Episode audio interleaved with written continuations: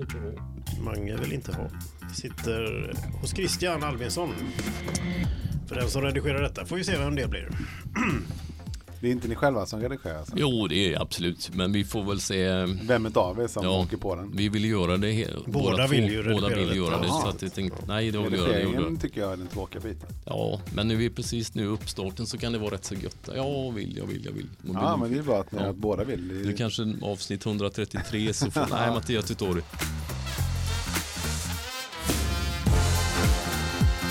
Du lyssnar på Skog och Manges podcast Människan och bilder. I våran värld, i min och Manges värld, så handlar det ju väldigt mycket och väldigt ofta om att man driver ett ganska litet bolag eller en liten firma som fotograf. Man kanske driver som enskild firma Mm. eller ett aktiebolag, men det är ett enmansföretag. Ja, verkligen. Exakt, Och exakt. här sitter vi med Christian Albinsson. Stort tack för att vi fick eh, komma hit och hälsa på dig en fredag eftermiddag. Bara trevligt. Som har drivit ett enmansföretag. Ja, hur var det en gång i tiden? Och vi kommer ju göra en, en ganska häftig resa här, men ta oss till början. Hur, hur var det för dig? Ja, men jag, jag sa det faktiskt innan till några kollegor här att jag, eh, när jag fastnade för eh, yrket reklamare, om det nu är ett yrke, det var i Halmstad där jag kom ifrån, så gick jag på gymnasiet och där var det en kille som hette Dan Larsson som drev en reklambyrå som hette Pyms. Och han hade två anställda tror jag. Han hade det coolaste kontoret ovanför ett café mitt inne i stan. Han hade väldigt snygga kläder, kommer jag ihåg. Ehm, så här svarta kostymer. Reklam. Ja, Reklamstuket med svarta verkligen kläder. så, verkligen så. Han var ganska snygg och, och han hade en snygg fru och en, en Porsche och ett bra hus i Tylösand. Och jag tänkte att där skulle man Sån också vill kunna ha också det. bli. Nej, liksom, inga jämförelser övrigt, men farsan jobbar på kommunförbundet Halland. Det var inte riktigt samma estetik där så att säga. Då kände man ju att där kan man också vara. Mm. Och det kändes utopiskt att ha anställda medarbetare. Men, eh, men eh, så jag började frilansa efter studierna eller under studierna. Eh, Men var det det som drev dig? Att du ville ha några materiella ting? Eller så? Ja, det, det, det, är det nog i början. Men sen, eh, sen tror jag att det är en kombination. Om man, väljer, om man bara bryr sig om pengar, då tror jag man väljer något annat än de här yrkena som vi eh, Ja. gör. Eller har valt. Så då tror jag det finns en, en botten av att man gillar att berätta historier på ett eller annat sätt. Om det är en bild eller en text. I mitt fall har ju, jag har ju testat alla discipliner. Jag har ju faktiskt testade fotograferingen också.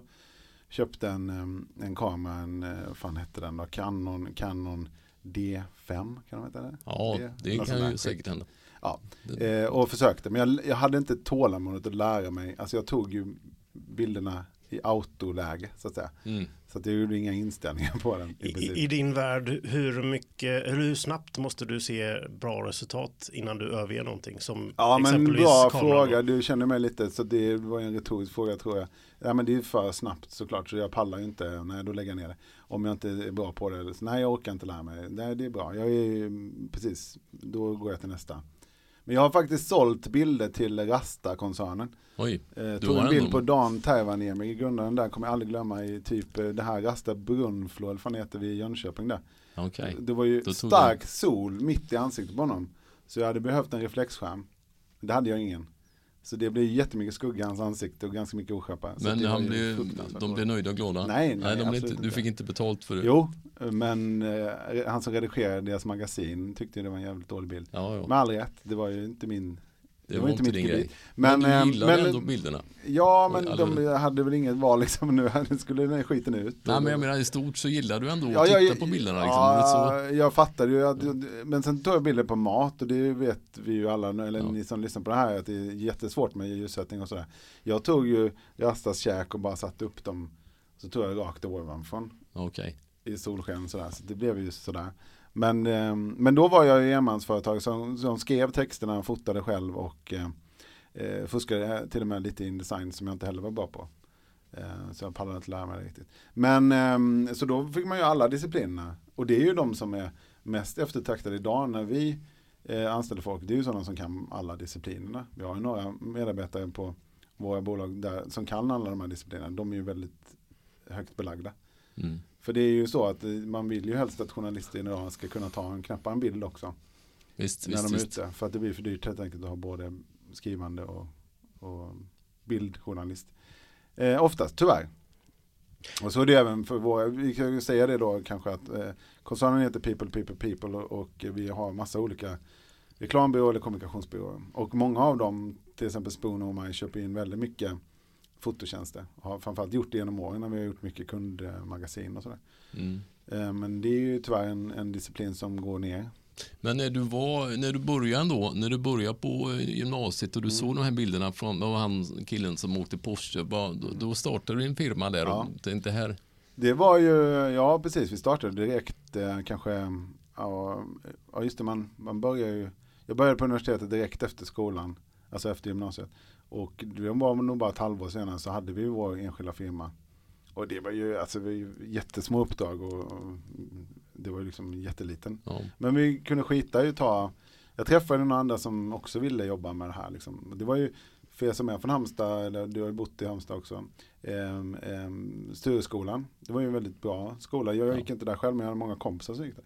Så vi var ju framkallade ju bilder där i mörkerrummet och kom ihåg att man liksom kunde, det här kan man, vågar man knappt säga, men det var, det var lite så här man kunde hänga där inne och framkalla, skulle man gå ut på andra sidan och där var det kanske lite tjejer så att just det, kombinationen där. Exakt, eh, ja, samtala med.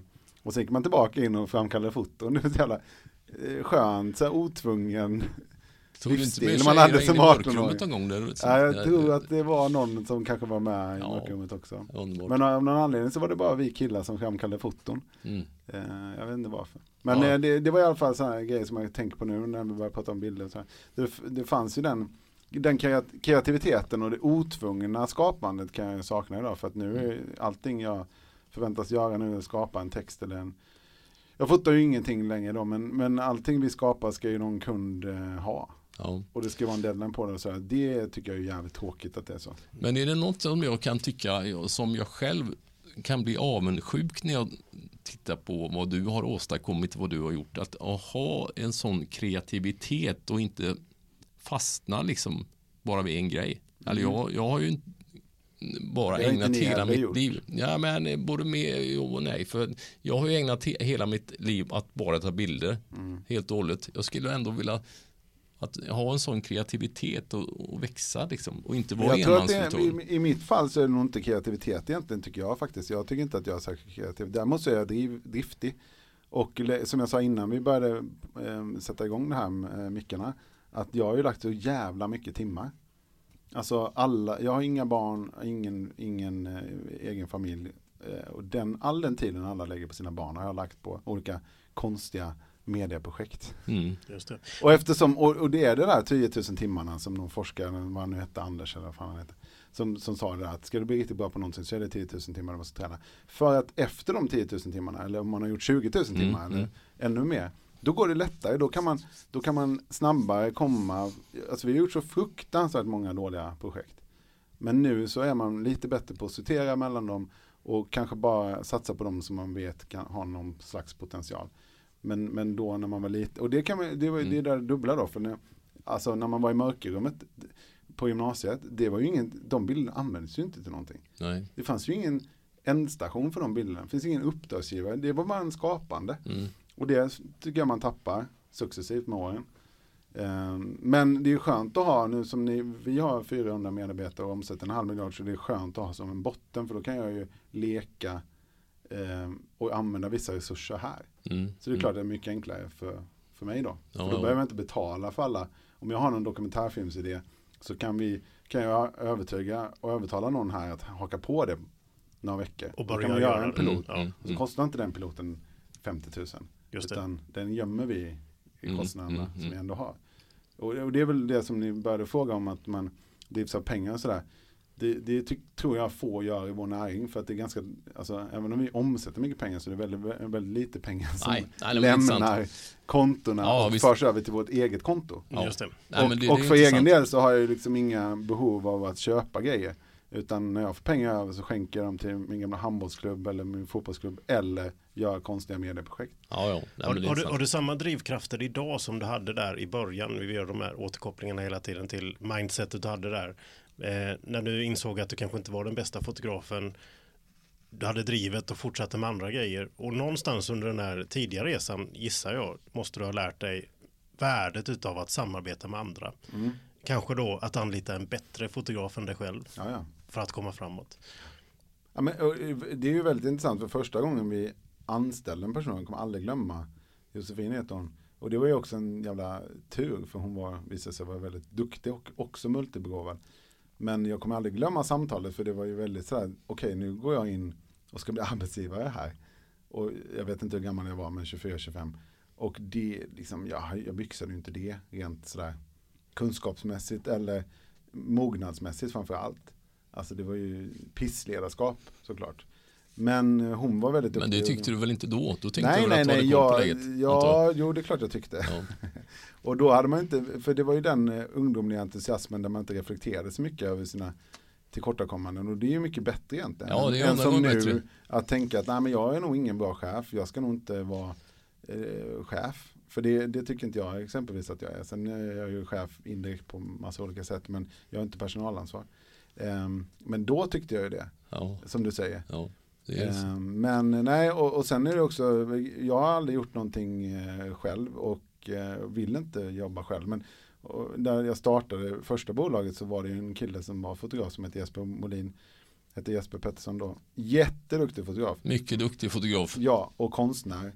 Eh, konstnärliga foton. Men han, han ville ju inte vara i ett sammanhang. Han ville ju bestämma allting precis 100% själv. Mm, mm. Därför kunde inte vi gå hela vägen. Och det var, gjorde vi med bådas goda minne. Men eh, det fick man ju lära sig. Att, men jag kom från lagidrottsmiljön. Men jag tror också det för att vissa blir specialister, ni är ju specialister. Mm. Då är det lättare att, att, att, vara egenföretagare, alltså enmanslåda. Jag är inte specialist, jag skulle behöva jobba ganska hårt för att eh, kunna leva själv på, på skapandet. Vad skulle du göra då? Nej men det enda jag skulle kunna eh, göra då det är ju att skriva. För det kan jag hyfsat. Text. Ja, ja, Text, vad, vad skriva. Liksom. Ja, men du är duktig på att prata också. Är, det jo, bara... men det är ju jävligt svårt att leva på. ja, men det är många som gör det. jo, det är sant. Ja. Men jag tänker mig att eh, det perspektivet kanske är värt för många fotografer eh, att tänka på enmansföretagare att kanske växa lite större än eh, bara det här enmansföretaget för att nå eh, större resultat eller mm. kunna eh, om det är det höja man vill, ambitionsnivån. Liksom. Om det är det man vill. Ja, det beror ju på vilket driv man har i sig. Vilken, eh, jag, skulle ju aldrig, jag skulle aldrig anställa någon. Jag skulle aldrig kunna anställa någon. Och det, för det inte, jag har inte något driv i att, att eh, jobba mer eller att jag skulle ta in mer jobb och Nej, någon och... annan skulle göra det. För, då är det, för mig är det ju bara ett driv att tjäna mer pengar. Mm. Du sa han fall så att jag skulle kunna fakturera mer, men det... Ja, jag har en liten annan syn här eh, och det är jag, jag, vet inte riktigt vad jag far efter det här men jag känner någonstans i mig att, att göra, kanske inte hela resan som Christian har gjort, men det finns ett värde av att också lära andra, inspirera andra, uh, ge unga chansen, mm. särskilt i en liten stad som till exempel Falkenbergs kommun. Det, mm. det, är inte som i Stockholm där det finns ganska många möjligheter mm. att, att få jobba med, he, på heltid med Men du är väl lite mer av ett mediehus, alltså. du är ju som en byrå för du... Ja, i miniatyr. Ja. Och, du har jobbat med alla disciplinerna. Just det. Medan Mange är mer som en specialist mm. då. Eh, jo, som, som du, du blir ganska dyr också gissar jag i timmen. Eh, kan vara det i alla fall. Ja, och det skulle kunna vara kanske. Ja, nej, men det tror jag. För du, du har den här specialistkompetensen. Du äger också utrustning som du kan ta betalt ja. för och så vidare. Eh, medan, medan du kanske då skulle kunna ta på dig ett större uppdrag. Du skulle kunna ta på dig att, att äga kommunikationen för ett mindre bolag. Alltså alltid från hemsidan till sociala medier till vad som skrivs och, och, och filma events och allt vad det nu kan vara. Eh, och så ta in underkonsulter och växa på det sättet. Just det. Det, det skulle det, inte vara så svårt för dig. Nej, och det är det jag håller på att utforska. Men problemet är då att då helt plötsligt efter ett halvår så blir du säljare och projektledare istället. Och så kommer du tänka att det var inte det här jag ville. Nej. Precis. Nej, det är, det är, precis det som jag känner för min egen del. Att det, det har ju aldrig, aldrig lockat mig att vara en säljande person eller hålla på och driva projekt på det viset. Men det är Nej, väl men, olika man gillar. Det inget... För det är ju det det blir. För att, eh, ja, det var lustigt för jag pratade häromdagen med en kollega här. Att det jag vill göra det är att berätta historier och göra dokumentärfilmer faktiskt. Det är det jag vill göra. Men det som eh, andra vill att jag ska göra det är att sälja. Ja, ja, ja. Men alltså det, det de andra på firman vill att jag ska göra det är att sälja in nya kunder, punkt. Men, att åka och träffa olika män och sälja in olika projekt till dem. Ja. Men, men, är du tvungen att göra det nu? Då, ja, det är jag tvungen att göra, ja, absolut. men nu, då skulle du vilja nu är den jävla pisskonjunkturen som vi har ja, nu. Ja, då får du bara sälja. Ja, alltså det är bara, det, och, och det, är- och Men det är inte så att jag är något offer, men, men, men ibland kan man känna så här att när man börjar bli äldre, att eh, tiden, jag tänkte ju att när jag var 40 så skulle jag kunna kanske trappa ner och till förmån för journalistiken då. Men där, tycker, där är jag inte. Nej, men det blir lite deppigt nu Christian. Sen- ja, så, men, det- men verkligheten kan vara det. Ja, ja, det är inte alltid det gladaste i min... Ja, det är klart. Men jag. Jag, jag är ingen eh, sån här motivationsföreläsare. Jag, jag, kom, jag kom på min kollega, min kompanjon, min kära kompanjon Niklas, han sa det. Han var sån här motivationstalare. Han var ung eh, företagare från Norrland. Det fanns ju väldigt få sådana eh, när vi var så här 25, eh, men när närmade oss 30. Då var han ute på sådana Almi på Nyföretagarcentrum och så skulle han inspirera. Och så var han och pratade med några lärare eh, i någon slags forum, kommer inte ihåg vad det var. Eh, Och så var det en lärare som kom fram, en slöjdlärare som kom fram till honom efter en föreläsning. Bara, du, jag är så inspirerad nu av det här, nu ska jag hem och säga upp mig. Och då, och då tänkte Nicke så här, vad fan, vi behöver ju lärare. Ja, det Just blir Vi behöver slöjdlärare, inte, inte fler jävla Nej. medieentreprenörer. Nej, det var inte bra. Så att eh, då slutade han med att vara eh, inspirationstalare. Så att jag, jag, var, jag vill också vara en motpol till inspirationstalarna. Just det. Ja. För de som behöver gå till en inspirationstalare är inte de som är skaffade att göra det här. Nej, de har det i sig. De har det i sig. Ja, intressant faktiskt. Ja. Och, de, och man gör det ändå, oavsett om Man någon gör det ändå. ber någon Ja.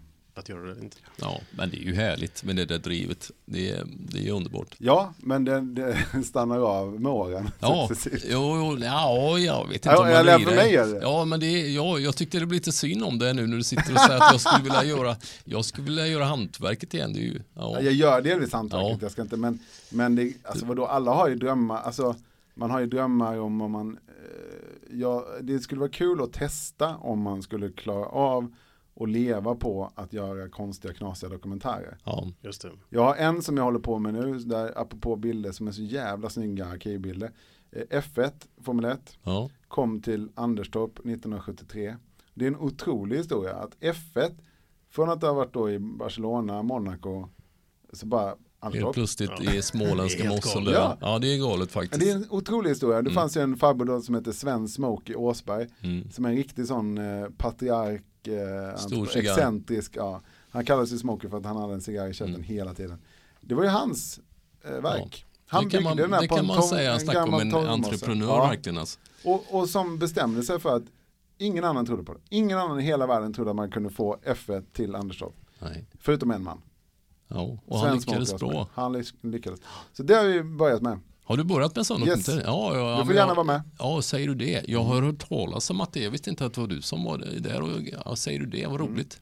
Det är Mm. Så det underbart. ska vi. Vi är, vi är, alltså, vi, det är till och med så att SVT har signat. Ja, vi, men jag hänger med. ja, bra. Underbart. Jag vi kan hänga med, jag kan foto. köra bilen. Ja, vad kul. Nej, men det där är imponerande faktiskt. Det kan man snacka om entreprenörer, någon Ja, det är en som sån lyckats. otrolig historia. Ja, Det är lite så här som Tårtgeneralen, om man kommer ihåg Fredrik Mm. och Filip gjorde. ja, Det är lite samma stuk, liksom att, att man gör det helt omöjliga. Och, ja. och en Men- annan tid såklart. Ja, jag får gåshud när jag tänker på det, den där omöjliga grejen som blir av faktiskt. Mm. Underbart det. Den, skulle jag, den, den kommer jag behöva göra, fast nu har vi Ja. skrivit på papperna. Ja, det finns en annan sån här, Trustohärvan kommer ni ihåg? ja Eh, absolut. den skulle jag också vilja, men den vill jag göra en spelfilm om. Ja. Och det tror jag är svinsvårt. Har du jobbat med spelfilm? Nej, nej, jag har ingen aning. om Ja, det. det här, Det- det är det- nu är vi många nivåer upp. Ja, här. Det verkligen. känns avancerat. Jo men den, för den tror jag, den är svår att göra dokumentärform. För dokumentärform på den, den är ju det, det logiska. För det finns jättemycket arkivmaterial i SVT, det är ganska lätt. Och sen så kan du göra talking heads med, sen är det inte säkert att de ställer upp dem, men möjligen ställer de upp. Så kan man jaga rätt på de här Lord Moyne om de lever och sådär. Men, eh, men historien är ju så pass bra så att det skulle kunna göras en spelfilm om det. Ja, men det och kommer det hända. ligger liksom lite i tiden med sådana där, den typen av, eh, liksom det är lite true crime, Ja. heist-film. Lite ändå- miniserie på en streamingplattform. Exakt. Men det ja, där film. måste väl varit, tänk, tänk alla plattformar, det måste väl vara något som du gillar och tänk vad det har ändrat sig sen du stod Ja, i ja. mörkrummet ändå, då var det Ja, ja. kanske bara SVT som gick Ja, ja, och, nej, men det är en jättemöjlighet för oss att vi verkligen, ett av våra bolag Gabardin har ju sålt in sin andra tv-serie nu. ja, Och det hade ju aldrig hänt, eh, som du säger, om det inte funnits så många nej, plattformar som alla faktiskt drar in pengar i prenumerationsintäkter. Vilket är fantastiskt för skapare. Så Ja, det håller jag verkligen med om. Att det är amerikanska streamingtjänster som vill etablera sig i Sverige genom att köpa svenskt eller nordiskt material. ja, ja, vad så spännande. det är super, superbra. Ja, Sen är det ganska svårt att komma in på dem dock. Men, eh, Är det många om budet? Alltså är det många Ja, det sådana här? säga. Vad kan man kalla att du är en byråmänniska? Ja, det kan man nog säga. Är det många byråer som slåss om de här jobben? Ja, det är det. Och det är mycket du behöver göra för att få in, alltså SVT nu med F1, jag vet inte hur många timmar vi har lagt för att ens kunna komma på möte liksom. Mm. Så att det är ju det. Men det Och, vet ju och den också. typen av projekt inbillar jag mig, jag kanske har helt fel, kanske inte är i första hand ett kommersiellt Nej, projekt. nej, det går För att- dåligt ekonomiskt. ja. Alltså jag, det, det går så pass ekono- dåligt ekonomiskt att jag kommer, jag vet nu att jag kommer behöva ha ett samtal med mina kompanjoner där de säger, måste du göra det här? Och jag säger, eh, ja det måste jag. Och de säger, mm, och sen så säger jag, ja, och sen så gör vi det. Ja, men vad gött. Det där måste Ja. vara skönt den sitsen du är, för då är det du som bestämmer i alla fall då. Ja, vi bestämmer bestämma samråd men jag kommer ju vara väldigt, alltså det de vet då, eh, nu, nu är det här min positiva tolkning av det i och för sig, så vi, vi nästan ska fråga Niklas om det, men det, det han tänker då är att, ah, ska han göra det här jävla pisset? Men det han vet är att då får jag dåligt samvete, så då kommer jag sälja in någon, någon, eh, något jättestort projekt som täcker det där. Mm. Eh, Just det. Så att det löser sig. Precis, och då, då känner jag ju För, omedelbart förlåt, för det är samma sak när vi jobbade ihop, eh, Mattias, när du jobbade på Halmstad BK. Det var ju inte så att det, det vi gjorde för HBK gick plus. Nej, Men det. det var ju en, en liksom experimentverkstad. Vi gjorde tidning, vi gjorde liksom, vi var ju, vi testade massa olika uttrycksformer och la alldeles för mycket tid på det där. Just det. Men det var ju för att det var kul. Ja. Och det gav någonstans någonting. Ja, precis. Och och som enskild kreatör så känner jag precis samma sak just nu. att Det kanske inte allting man brinner för lika mycket. Men att avsätta tid för att kunna göra sånt som, jag vet inte hur, hur men i mitt fall så är det, när jag sitter där på ålderdomshemmet om förhoppningsvis väldigt många år, så ska man åtminstone blicka tillbaka på ett eller några få projekt. Det här var gillar jag att göra. Så, det här, ja. wow, att jag gjorde den här Formel 1-filmen från Mm. Anderstorp. Annars hade ingen annan gjort den, Nej. inte berättat den eh, storyn. Ja, men det håller jag med om. Ja, Verkligen. nej, men det där är ju ett driv man vill ha med sig såklart. Att, och det är det som är det fina ändå ju. Precis, och skapa sig de förutsättningarna att göra sådana Mm. projekt. Men Jag tror att det, är- det är två grejer i det där. Jag tror att eh, dels pallar inte folk lägga ner så jävla mycket tid som det tar. Och två, folk tror inte att det, det går. Medan jag då tänker, i, i många andra fall i mitt liv så tänker jag inte så. Alltså till exempel att em, träffa en livspartner skulle, känns väldigt utopiskt. Men att gå in på SVT och sälja in en dokumentärfilm är hur lätt som helst. Eller stå och livesända på Simor och så här. eh, Det, ing, det tänker jag är hur lätt som helst. Det är ju inte Så alla som håller med dig ändå. Nej, jag vet, men, men då har de det självförtroendet på något Mm. annat sätt Ja. ja. ställe istället. Mm. Just det. Men det är inte så eh, svårt och krångligt som man tror. Det handlar så oerhört mycket om att lägga ner tiden. Mm. Särskilt som ni som lyssnar på det här och ni två som sitter där. Ni har egentligen bättre förutsättningar för att göra en dokumentärfilm än vad jag har. För jag kan ingenting av hantverket. Jag kan bara ha producentrollen. Mm. jag kan inte klippa, jag kan inte ljudlägga, jag kan Nej, inte nej, men det är filma. klart. Det är klart. Men Alltså du ni, ju... ni kan göra en dokumentärfilm ni två tillsammans äh, själva. Men så, tänker jag, så, säger, så brukar jag säga så här också att eh, man ska inte ställa kravet på sig själv. För ibland så kanske folk jämför, eller vissa jämför, mina kompisar kanske jämför med, med mig. Och just yrkesmässigt. Och det är dumt att ställa det kravet eftersom de har varit fantastiska föräldrar de, den tiden som jag har lagt på gjort Ja, jo, det är, visst, det är inget som Alltså är man, rätt måste, eller fel man, såklart. men man måste tänka så själv också. Mm. Man kan inte ställa kravet att man ska vara världens bästa förälder. Och, och de här småbarnsåren som jag har följt på nära håll utan att själv ha barn. Det går ju inte att samtidigt då göra en, en karriär i, i mediebranschen. Det är helt omöjligt. Ja. Och de som klarar det, de få som klarar det, de är ju fruktansvärt begåvade. Ja, nej, och är man som vi då, eh, liksom lite eh, eller strax under, då, då, då måste man bara lägga tid. Då är det bara tid som Jo, har. jo, jo, det är klart. Visst, det är självklart. Absolut. Men det där är ju intressant om man är för hård. Det har vi pratat om innan någon gång också. Att hur hård är man mot sig själv ändå? När man, Mm. Ja, man är ganska hård och det tycker jag är rimligt. Ja, det, det borde vara rimligt för dig att vara ganska hård och ha Mm. en väldig självdisciplin om du ska skapa alltid. Det är inte något som kommer av sig själv ändå. Liksom. Nej, men man måste vara disciplinerad. mm, Och ofta har man ju tänkt, vad fan, varför gjorde man det här? det är inte alltid roligt då. Nej, men det kan ju också vara projekt som man lägger väldigt mycket tid på som man blir av. Mm. Det, är- det, det är lyckligtvis så att det har inte varit på senare år, men i början. Det var ju väldigt frustrerande när man kände att man inte fick ut det man skapade. Nu så vet jag att eh, jag vet lite mer hur man får ut det man skapar. Nu kan jag ringa SVT, men för tio år sedan då, då, då vände de ju växeln såklart. Mm. Och, och det var ju också en, det var en jobbig tid för att de här hundåren, man är ju mentalt är man ju alltid förbi hundåren innan man de facto är förbi hundåren. Ja, Eh, Man kan ju inte kapa hundåren. nej. Eh, Men man själv tycker det är oerhört frustrerande att man inte kan kapa hundåren. Men det är väldigt skönt att vara förbi hundåren. Ja. Ja, ja, det är klart. Alltså om, om, jag, om jag får frågan så här, skulle, skulle du försöka göra den här byråkonstellationen igen? Eh, nej. Alltså nu, vissa så här när man, när man ska prata om att sälja företaget eller så ja, men då sticker ni sen eller ska eh, bara ta med kunderna och göra det igen. Så bara, nej. Alltså det sista jag skulle göra om jag säljer det här är ju att göra en konkurrent till. Ja. Ja, men alltså det är det, tur, det finns ju eh, inte på världskartan. det är ju tur ibland att man inte var. Man vet vad man ger sig in på. Ja, ja, exakt, Så, precis, Så så är är det, det. såklart. såklart. Jag tänker mig att navigera i en kreativ näring som detta är, som vi pratar om, som en kreatör med, med hjärtat på rätt ställe, det vill säga att man drivs av stories man vill berätta och så vidare och så vidare. Och sen dessutom jobba med 400, 400 andra likasinnade människor och det där eh, känslorna, det emotionella kanske eh, många gånger, ja det är svårt att få fram eh, och i tuffa tider och så vidare.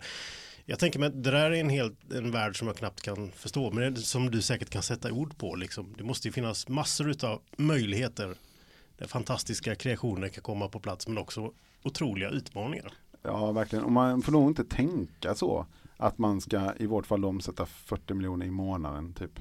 För att gör man det så, så blir det så ogreppbart. Liksom. Eh, så att man är, eller jag är fortfarande i samma detaljer som jag var för tio år sedan i princip. Men jag kan vara ärlig och säga, nu tycker Niklas, min kompanjon, att jag är för ärlig. Men under, när det här spelas in så spelade Sverige i VM i handboll mot Brasilien igår. Och då satt jag och kom, vi satt här på kontoret, vi var 20 personer någonting. Jag var ganska sådär, det, jag gillar handboll. vi hade precis eh, käkat lite pizza och sådär. Och så ringer han och berättar om att vårt decemberresultat är minus 4 miljoner. Och då blir det så här, ah, ja, det var, det- inte, det var inte för det här. Nej. Det var ju liksom kontrast, för då var jag så glad för att vi, vi hade den där stämningen. Vi hade umgås hela dagen, vi hade, inte, vi hade gjort lite olika aktiviteter. Det satt ett gäng och spelade rollspel som jag aldrig varit i närheten av. I ett konferensrum, ett, ett gäng satt och drack bubbel, lite yngre kvinnor. Och ett gäng bara eh, 35-40 män satt och kollade på handbollen. Det blev så jävla fint att alla Ja. hängde på kontoret. Så blir det dålig stämning med Ja, resultatet. men jag, det var ju bara jag som fick det samtalet då. ja, ja, ja, det är klart. Men, eh, och då tänkte jag precis på det där att eh, det är ganska mycket ansvar med det också. Och det är inte det ansvaret som man brinner för. Eh, Så att vi eh, i framtiden så tänker jag att ansvarsbiten som det kommer med det här eh, kanske inte det jag kommer sträva efter i, i framtiden. Alltså jag har ingen ambition att vara chef. Alltså om jag skulle ta en anställning någonstans så skulle det vara som reporter. Ja. Inte som chef någonstans. För Nej. det är inte jag intresserad av. Sen Nej. har det bara blivit så att man har haft ett liksom, ja, jag gjorde ju en film om eh, IT-bubblan. Och Johan Staffan Holstein som kommer från Halmstad var ju en sån när jag var 19 år. Så var han en, blev han en galjonsfigur, en förebild för hur man kunde göra sitt, sitt intresse till sitt jobb.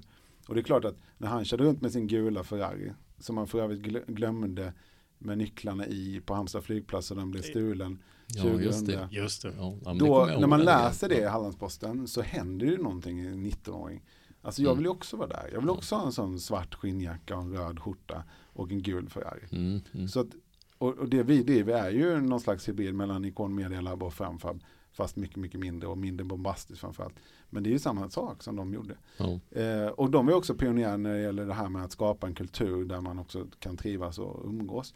Och där kan jag ju känna att man är en känga, känga till branschen. Det är väldigt, väldigt få Excel-människor som jag var inne på innan. Det är väldigt få människor som, som driver bolagen som man egentligen är tänkt att, att bolag ska drivas. Det är otroligt små marginaler. Mm. Mm. Eh, för att det är en massa kreatörer som Ja. liksom inte har koll.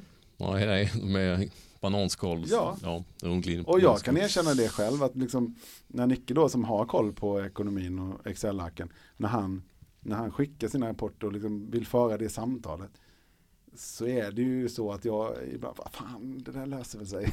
Ja, men du läser dem kanske inte ens. Nej, typ inte. Ja, nej, men det är klart. Men det måste ju väl vara mycket konflikter ändå med alla dessa kreaturer. Är det inte mycket att, Jag tycker, Bråkar inte, du mycket? jag tycker inte det. Vi hade konflikter i början när vi var så här 22-23. Men för det var ju då, då skulle man vara inne i alla delarna tillsammans. Alltså vi, ja, du känner ju vissa av dem. Det var starka viljor. Mm. Eh, och jag måste säga att vi var lika omogna allihopa tror jag. Men vi kom ut det som goda vänner och ännu bättre vänner idag ändå. Så det är väldigt trevligt att det, att det blev så. Men vi alla lärde oss samarbete. Och nu tycker jag inte det är överhuvudtaget ett problem. Men sen är det så att om man ska vara helt ärlig så är det i våra byråer kanske inte vi gör de här absolut mest spetsiga kampanjerna eller produktionerna. Utan vi gör ganska mycket produktion.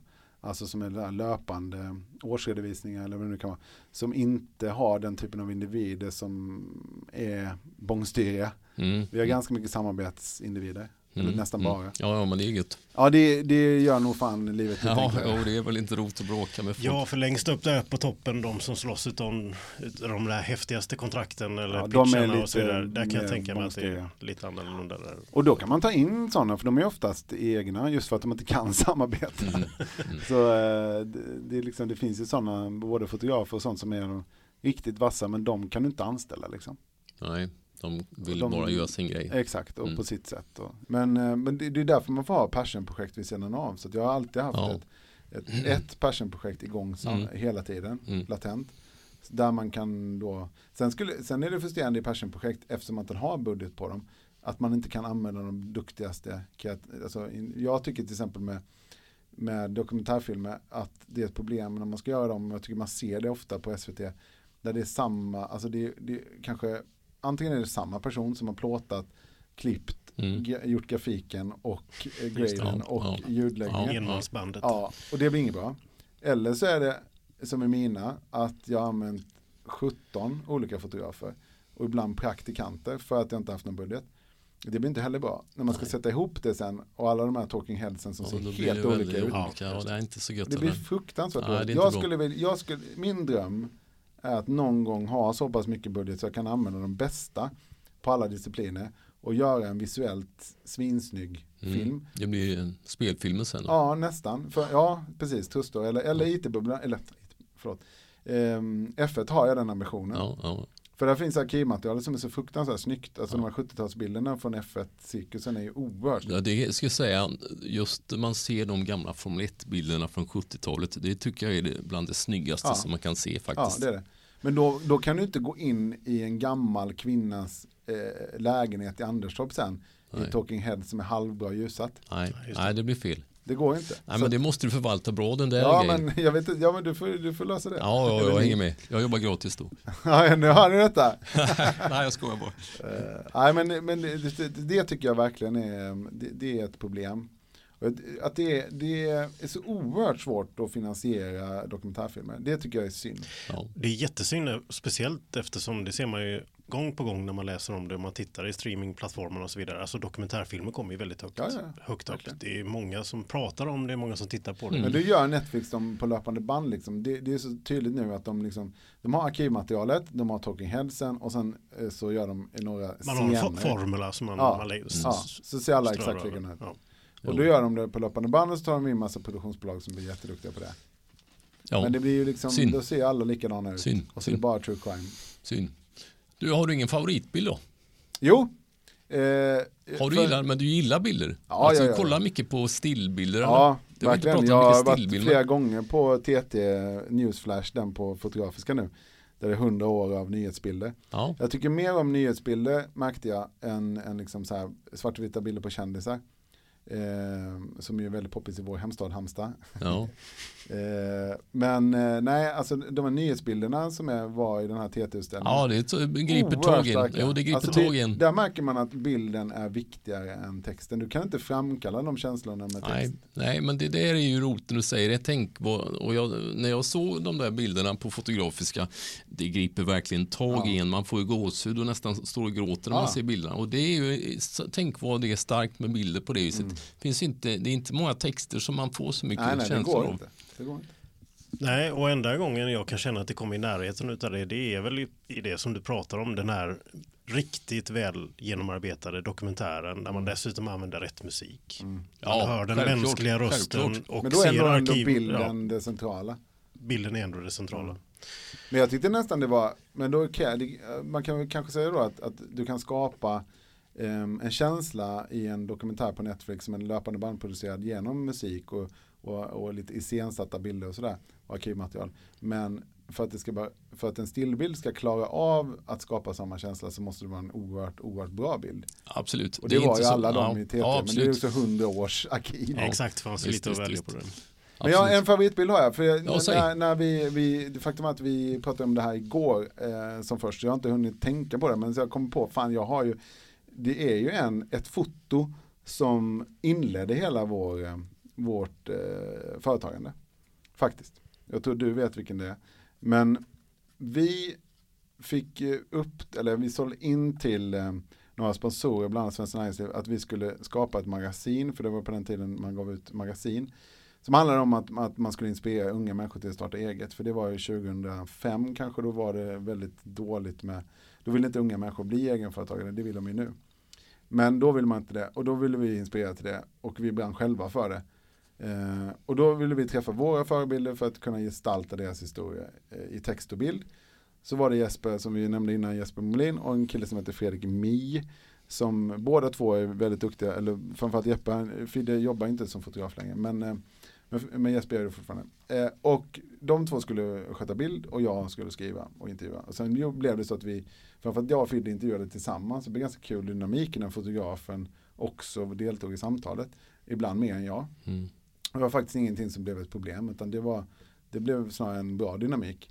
Vi kunde ställa lite olika typer av frågor och hamnar jag fel för att jag ställer en fråga som de inte gillade Mm. så kunde han eh, vara good guy till exempel. Och så, så Mm. det är en ganska bra dynamik. Ja, men det är intressant att säga, jag behöver inte ta nu Bayern, men det där eh, att, att fotografen ställer frågor, Mm. det är inte alltid det är självklart. Nej det kan jag tänka mig att, att många reportrar som du Nej, jobbar det- med ja, vill ju inte det. Nej, nej, det är, det är mycket intressant men, att- men, faktiskt. det, men det var en bra Ja. intervjuteknik. Men det är ju för att många av reportrarna idag eh, är mer intresserade av deras egna Instagram än av historien. Ja, det kan man ju. Eh, men den bilden då, som vi, för då, då var det en farbror som vi gärna ville träffa och det var Ingvar, Ingvar Kamprad, han levde ju då på den tiden såklart. Och det är ju vår största entreprenör någonsin och liksom den enda som har den här globala genomslagskraften som, som, som svensk, som finns ju typ ingen annan. Eh, och han var ju väldigt svår och det var ju inte så att hans nummer stod i liksom, hitta.se utan så jag skrev ett brev till honom, han skrev ett eh, brev för det var så jag hade hört att han kommunicerade. Ja, Brev och fax. Eh, så jag Vilket skickade år det var? Vi säger 2005 sa du? Ja, 2005. Så jag skickade ett brev. Jag, bara skrev, jag, skrev, jag kommer inte exakt ihåg vad jag skrev, men jag skickade till Ikea, att Ingvar Kamprad och postnumret i Älmhult. och jag tänkte, alltså, jag måste utsätta mig själv för möjligheten att han kan faktiskt få det här. För har jag inte skickat det så finns ju inte möjligheten givetvis. Eh, så så tänkte jag ganska mycket förr, eh, i viss mån nu, men framförallt förr. Att man ska utsätta sig själv för möjligheten, det var ganska bra uttryck. Eh, så jag la det på lådan, tänkte mer på det. Sen någon månad senare så ringer det i min telefon. Och då är det plus 35 eller 33 eller kommer inte ihåg. Och det ringde ju aldrig utlandssamtal på den tiden. Så det blev ju väldigt konstigt. Ja, vad fan är det här nu då? Så svarar jag och så säger jag, ja det är Christian då. Ja, Ingvar Kamprad, då har du tid, säger han i andra änden. Ja, det är underbart. Och det hade jag ju, tid alltså. Ja, då, Ehm, och då sa han att vi skulle kunna få träffa honom och göra intervjun. Ehm, och eh, då sa för han bodde i Schweiz då, så vi piper ner liksom, och då kör han sin klassiska, nej det är för dyrt, vi träffas i Älmhult. Så. gjorde vi det, och då, det var så regnigt den dagen. Och fotoidén hade vi liksom inte riktigt klart för oss, men av någon anledning så har Jeppe, Jeppes eh, papp, nej vad blir det? Eh, mors, ah, no, i släkten hade de en, en inte sportbutik. Så vi gick dit, och, eller de gick dit och tog liksom basketlinne och en basketboll och lite sådana grejer. Av någon jävla anledning. Ja. Och sen gick vi dit och sen så gjorde vi intervjun och sen så säger jag då ehm, Ja nu ska vi ta bild här och ungdomar gillar ju basket Ingvar så att vi tänkte att du skulle ha de här kläderna på, sig, på dig. Och då, då säger han ja ja ja. Och och då börjar han klä av sig. Så han stod i bara sådana här sladdriga pappakalsonger. Oj. Där man liksom står på sidan så ser man liksom in i själva. Ja, I jag fronten. fattar. där. Står han endast iklädd det och han har också eh, de här eh, skjortflikarna eh, flikarna innanför kalsongerna som också äldre män av någon jävla anledning hade. Eh, där står han och, och, och vi tänker att vad, vad händer nu? Ja, men ni kunde väl inte riktigt tro att det skulle bli så? Nej det trodde vi inte Nej. men vi plåtade honom där och den bilden när vi kom, åkte hem därifrån vi var ju bara 25 år liksom. Så Ja. vi åkte hem i bilen så insåg vi att här, här har vi någonting. Ja. Och den bilden Det får man säga. eh, spreds ju faktiskt ja. över världen. Ja, jag vet precis Eh, vilken Den bild var liksom i, i tidningar i Tyskland, i Danmark och i Danmark var rubriken Han en skruv lös. Just eh, sådär. Och i Schweiz och allt vad det var och Sverige då såklart. Eh, där vi själva bar ut den för det var, fakt, det var jag som satt och ringde tidningarna. Hallandsposten till exempel sa ju nej till att skriva om det här projektet. Men sen så när de såg att Ja, alla andra, ja, så, så var okej, vi, vi, eh, vi skriver om det här. Så det var ju vi som jagade. Ja. Och, och det var ju också en drivkraft som vi hade själva, eller jag framförallt då kanske. Men, men det var ju inte jag som tog bilden då, det var ju Fidde, men, eh, eller Jesper, jag kommer inte ihåg. Ja, men ni, ni, ska, ni skapade ju Ja. den bilden. Vi skapade, precis, ja. Vi, vi pratade ganska mycket om det för vi, vi tryckte upp den där bilden i 25x och sålde den. Alltså som fotokonst och där delade vi på de pengarna men det var inte alldeles självklart tyckte de. Men jag tyckte också det att det var ju jag som hade fixat intervjun. Ja. Det var att jag och Fidde ändå samspelade som gjorde att han Ja, kände sig avslappnad och sa ja till det. Så att det, Och det var ingen stissig PR-människa som Jo. försökte avbryta Jo, alltihop. och henne, henne tog jag ju liksom och gick bort med och så bara, "Hej", så försökte avleda. Ja, Okej. Så att vi hade ju tur. Men, men samtidigt så, så vågade vi fråga. Jag tror Mm. att de flesta hade bara nej, nej, nej, nej, nej, nej. Gå dit och ta en van, ett vanligt kort bara. Men är det något som var liksom i din ungdomliga Ja, entusiasm? ja, ja, ja, sån där idag hade jag inte gjort det. Du hade inte gjort samma Nej, saker? nej, nu. nej, nej. Men det är ju synd. Ja, ja, ja, verkligen. Sen kanske inte just den bildidén hade passat mig idag. Så att Nej, säga. nej. Eh, Men just grejen i sig att man är att man gör så orädd ändå då. Ja, exakt. De här utmanande grejerna. Ja, kan det man är ju synd att det ändrats ändå. Verkligen, man kan ju sakna det. Och den, jag alltså när man åker hem i bilen, hans trötta gamla Peugeot, eh, så kände vi bara att det här, nu, vi åker hem till Halmstad från Älmhult, nu har vi någonting här. Det måste ju förändrat i hela er Ja, tillvaro, hela Ja, den där bilden då. Ja, det det. Det, gjorde det. Och det var ju det, är det är fortfarande nu sådär som man får påringningar ibland. Det var inte alldeles länge sedan som det var någon som hade varit på intervju på Ikeas huvudkontor i New York. Mm. Där är bilden Ja, det är. jättestort. Och, på, Ja, och där de liksom, this is our founder. Och så. Ehm, gött. Det måste ha varit en snackis på Ikeas huvudkontor Ja, det och alla det. andra kontor också. De det vill inte liksom uh, mörka ner bilden sen. Alla. Nej, det har han nej, själv tyckt att det, var roligt inget Ingvar. som, Jag vet ju inte liksom hur, hur, om, han, om det nådde honom sen. Det Nej, vet jag inte. Men ja, det länge, jag hade ju hans hemnummer länge. Ja. Vilket är lite sjukt. Men eh, nu är det ju inte så eh, nödvändigt att ha. Men eh, ja, jag vet inte hur han själv tyckte om det där. Jag tror inte han brydde sig så mycket. Men eh, Nej, roligt. Han tyckte bara det var en rolig grej. Och ja, säkert liksom, och han, jag tror han trodde att vi var några gymnasieelever som gjorde skolarbete. Jag tror Ja. skoltidningen skulle Ja, precis. jag trodde nog inte att eh, hans lokaltidning i Lausanne skulle snappa upp det, det tror jag inte. Men vi gjorde en bra grej förresten, därför då, jag vet att Aftonbladet gjorde en granskning då om Ingvar Kamprad, typ att det gick väl ut på att eh, man är minsann har han pengar, det är bara snack. Jag tror fan det för det första. Och varför ska han, och det var man gjorde så här vittnesmål att han var för snål för att klippa sig i den här lokala frisören i Lausanne. Varför ska han göra det? Så jag skrev en- debattartikel i Aftonbladet som vi fick publicera där jag liksom tog hans parti. Ja, okej. Och när den här bilden, när vi, vi la den på TT, eh, och då, då sa vi att vi skulle, det var en sån här bild, det finns olika klassificeringar tror jag. Så att man måste, eh, den översta kla- klassificeringen så måste vi godkänna. Vilket ju innebar att det blev knappt några. Mm, Men vi, det var väldigt viktigt för oss att det bara var positivt sammanhang. mm, mm, mm. Eftersom han hade varit schysst mot oss så ville inte vi att den bilden skulle komma ut när det var hans, eh, liksom det, ja, att han var, eh, hade alkoholismproblem ett tag Nej. eller nazistgrejen eller så. Nej, nej, det. För det hade varit lätt för tidningen att använda den bilden då. Ja, det Så att, eh, det, det tyckte jag ändå vi gjorde. det Där tog vi ett fint tidigt eh, beslut om det. Ja. ja, det var ju Och det fint. tyckte jag var bra. Men du, hur tror du, hur mycket påverkar bilder människor?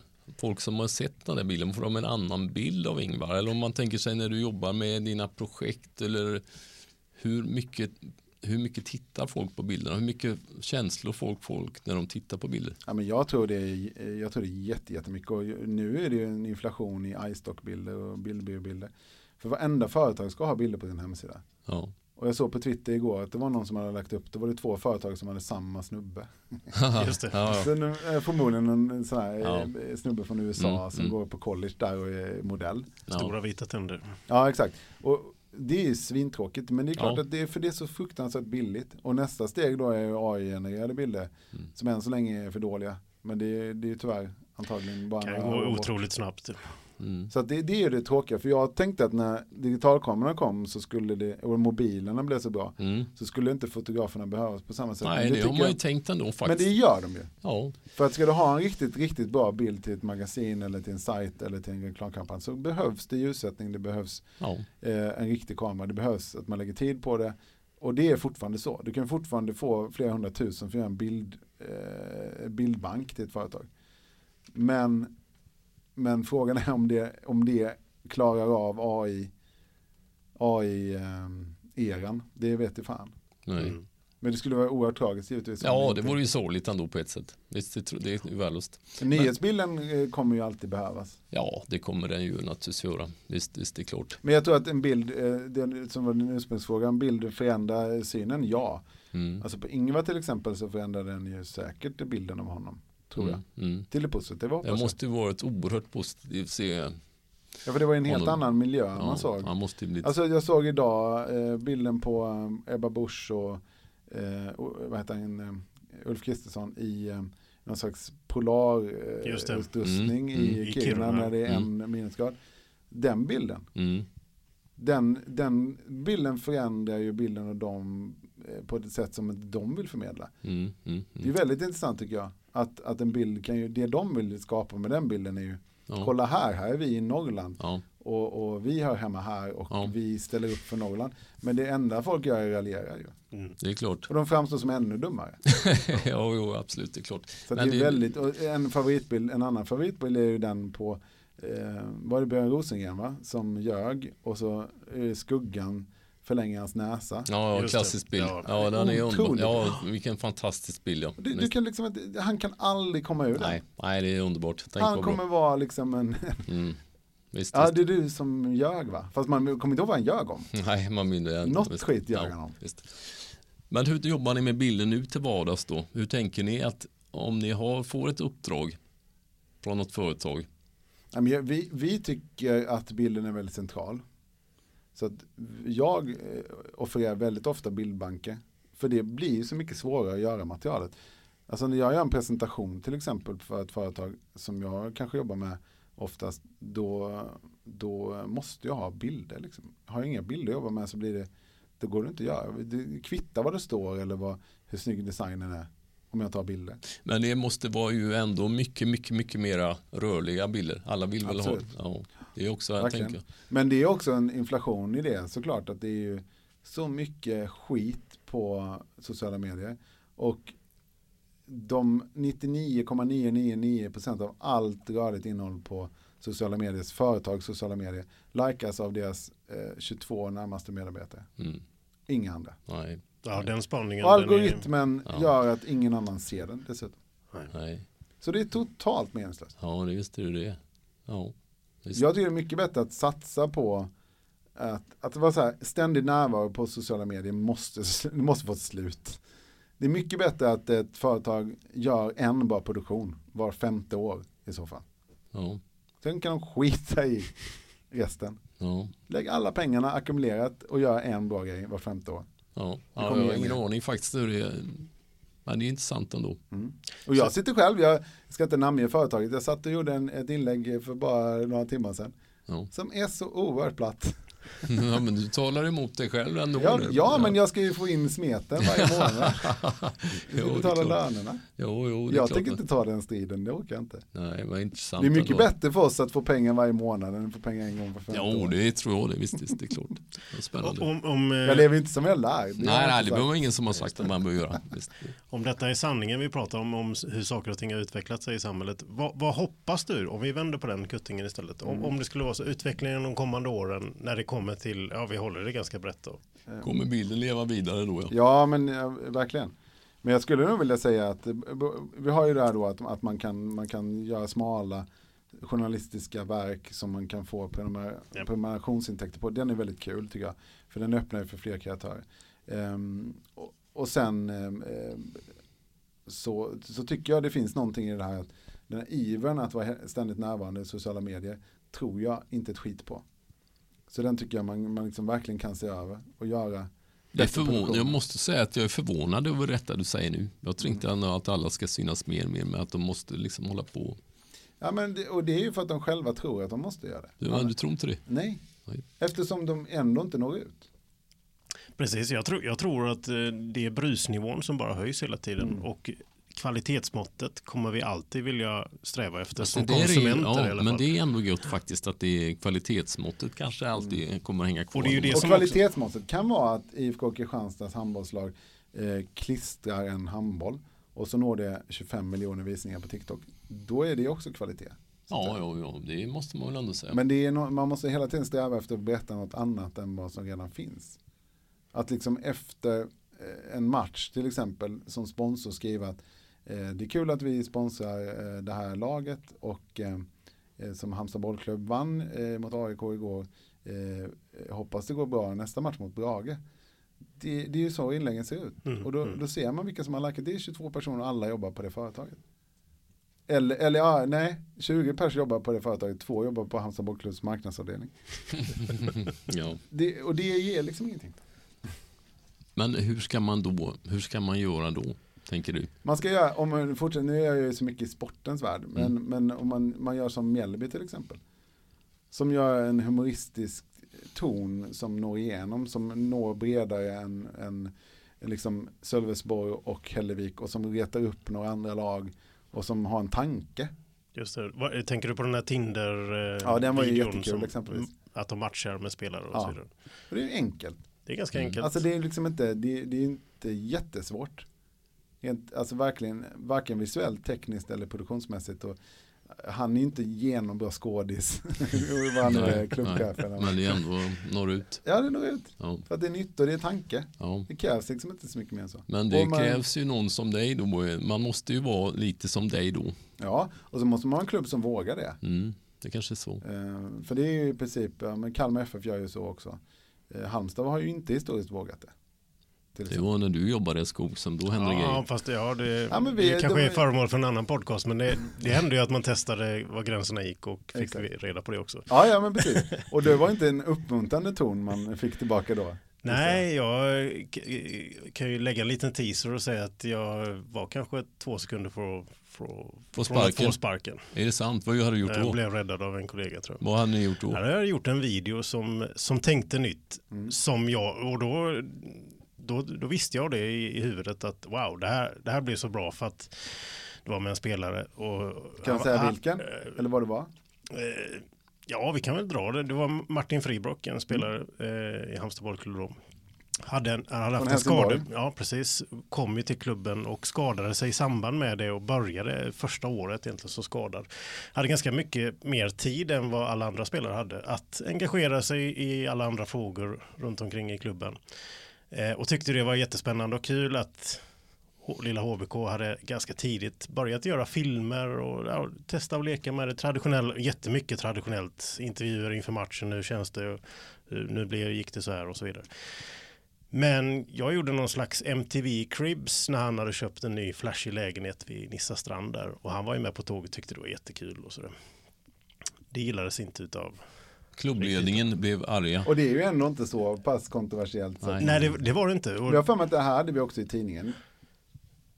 det vet jag inte om det var just den Jag tror grejen. när, när vi eh, är klara här så ska jag, fasen vet om inte jag kan leta upp den Han, tidningen. han, har, han, har, han är på omslaget. han har bra Kommer du ihåg den? För han har ju uppvikta kragar på jackan och står på omslaget på den tidningen vi gjorde. Ja, det. det Han blir fint här, men eh, den kan vi Det leta var fram. väldigt internt. Men, verkligen. men vad sa, och, och då var alltså De klubbledningen... blev då- arga på det. Hur var, tänkte det du var, här då? Ja, det var långt utifrån. Alltså, och det, ja, alltså jag förstår ju argumenten att ska verkligen en, en spelare visa upp att man har råd att hyra en fin lägenhet Mm.